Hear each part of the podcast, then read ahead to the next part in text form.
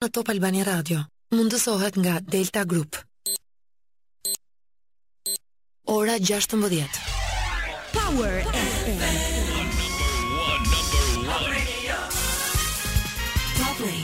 Flash në Top Albania Radio. Informacionet kryesore të ditës. Po ndiqni përmbledhjen e orës 16 unë jam Ani Bame. Në Shqipërinë e tridhjetë viteve më parë apo atë në komunizëm një Maj ishte një ditë feste dhe jo proteste, por një Maj i dy mijë e njëzet e treshit është ndryshe. Ka një valë të madhe emigrimi edhe është e vërtetë që çdo biznes është duke kërkuar punëtorë pikërisht për faktin sepse nuk ka. Dhe nuk ka sepse kanë vendosur të emigrojnë për shkak të kushteve jo të mira të punës, për shkak të kushteve jo të mira të jetesës, që vijnë nga një pagë jo e mirë. Të aktivist për të drejtat e tua ti nuk je vetëm në një ditë, në një maj, por aktivist duhet të jemi çdo ditë. Për protestuesit, Inspektoriati i Punës nuk ka qenë në krye të detyrës për të mbrojtur punëmarrësin, por me heshtjen e tij ka dhënë të drejtë pronarëve të keqtrajtonin punëtorët. Duhet të kuptojmë që legjislacioni në vendin tonë është jashtëzakonisht aq shumë i plotësuar sa përcakton edhe sasinë e lagështisë në vendin e punës, sasinë e dritës që duhet të marrë punonjësi në vendin e punës, Të gjitha këto detaje të cilat duket se institucionet të cilat janë të ngarkuara me punë për t'i mbikëqyrur, duket se janë kthyer në çerdhe rrogash. Pothuajse në çdo biznes gjen nga një lajmërim kërkojmë punëtorë, për këtë ka një arsye. Sot është një maj, dita ndërkombëtare e punonjësve, por punonjës në Shqipëri nuk ka, ata po largohen masivisht drejt emigracionit, ata nuk po preferojnë aq sa duhet mundësitë dhe hapësirat për punë që ofrohen në Shqipëri me mundësinë e vjetër, ku punonjësi më tepër shfrytëzohet për për qëllime fitimi se sa vlerësohet për rëndësinë që ka.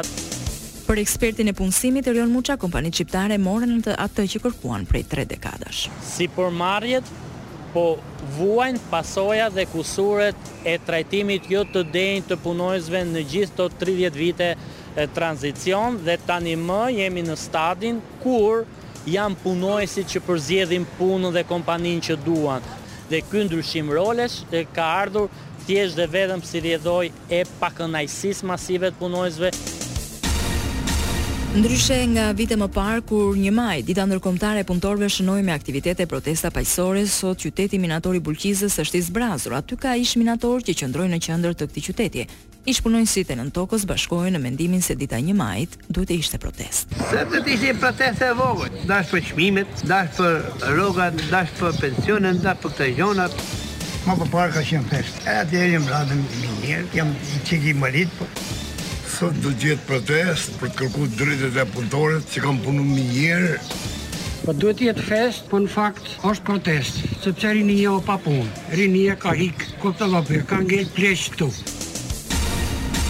Në Tiranë, një maji masivisht shfrytëzohet si një ditë feste, qytetarët japin dhe motivin se përse nuk protestojnë në Ditën Ndërkombëtare të Punëtorëve. Pse nuk protestojnë njerëzit? Pse sindikatat nuk funksionojnë? Ndonjëherë duket sikur sado që ta ngremë zërin nuk do dëgjohet. Do bjerë në vesh të shurdhër, unë kam pesëmbëdhjetë vite që punoj edhe E njëjta situatë vazhdon të jetë. Ankohen po kush kush dëgjon. S'i dëgjon njeri. Gjykata angleze ka lënë në burg katër të akuzuarit në Shqipëri për vrasjen e biznesmenit Ardian Nikulaj, prova filmike dhe gjurma ADN janë nisur drejt Londrës, ndërkohë që Shqipëria i kërkon Mbretërisë së Bashkuar t'i nisë të akuzuarit drejt tokës shqiptare. Vijojnë kërkimet për ekzekutorin portugez Ruben Saraiva dhe anglezin me 27 rekorde kriminale Harry Simpson. Zgjedhjet Vendore dy mijë e njëzet e tre, Shqipëria voton! Vijimin e qeverisjes lokale të Librazhdit nga socialistët ia kanë besuar kandidaturës së Mariglen Dishës. Kastrioti e dorëzon stafetën me faqe të bardhë dhe është gati për të marrë një detyrë të rëndësishme në Tiranë dhe për të qenë në vazhdim Një derë e hapur për të gjithë ju, por edhe për të qenë një krah për Mariglenin, i cili vjen nga një eksperiencë pune dhe të cilit i takon tani të mos lëvizë nga Librazhdi, por të jetë pranë jush, të jetë me ju dhe të jetë për ju.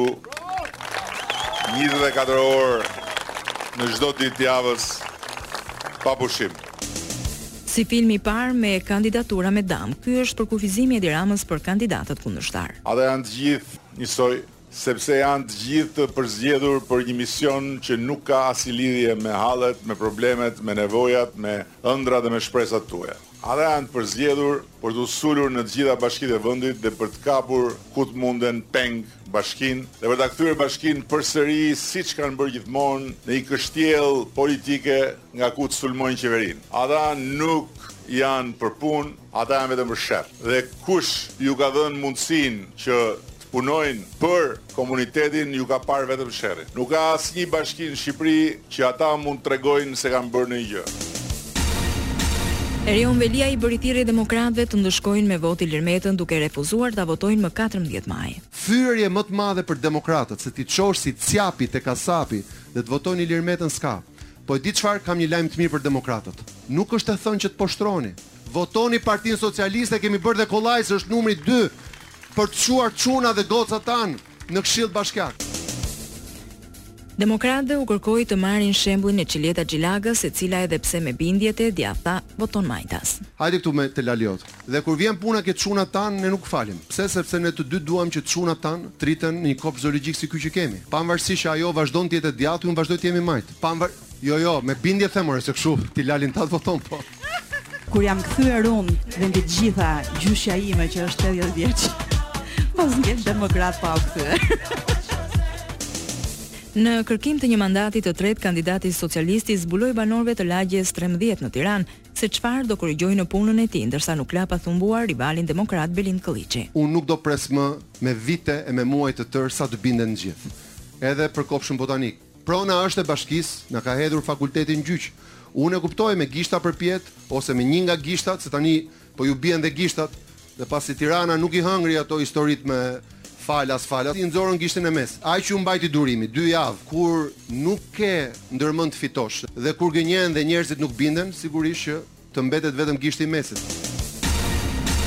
Premtimin për transport falas kandidati i koalicionit Bashkë Fitojmë Belind Këlliçi e zgjeroi përtej Tiranës duke përfshirë edhe periferinë. E ka çmend premtimi që unë kam dhënë për autobuzin falas, nga këtu po e them sërish, autobuzi pas katërmbëdhjetë majit do të jetë falas në qytet edhe në fshat dhe kjo është e padiskutueshme. Imagjino t'ia heqësh këtë barrë ekonomike dyqind mijë vetëve në ditë. Do të kenë minimalisht pesëdhjetë e dy mijë lekë më shumë në xhep në muaj. Në takimet me banorët e zonave rurale, Këlliçi u zotua të zhdukë procedurat burokratike për restaurimin e banesave në fshat. Për të bërë riparime në avllitë e juja, në baçe, në shtëpiat e juja, nuk do të ketë më asnjë vështirësim procedura, do ta bëni vetëm me njoftim dhe ju jap fjalën e nderit që mas katërmbëdhjetë majit me Belind Këlliçin nuk vjen më asnji inspektor me ju gjobit, me ju marrë djersën dhe mundin e juj.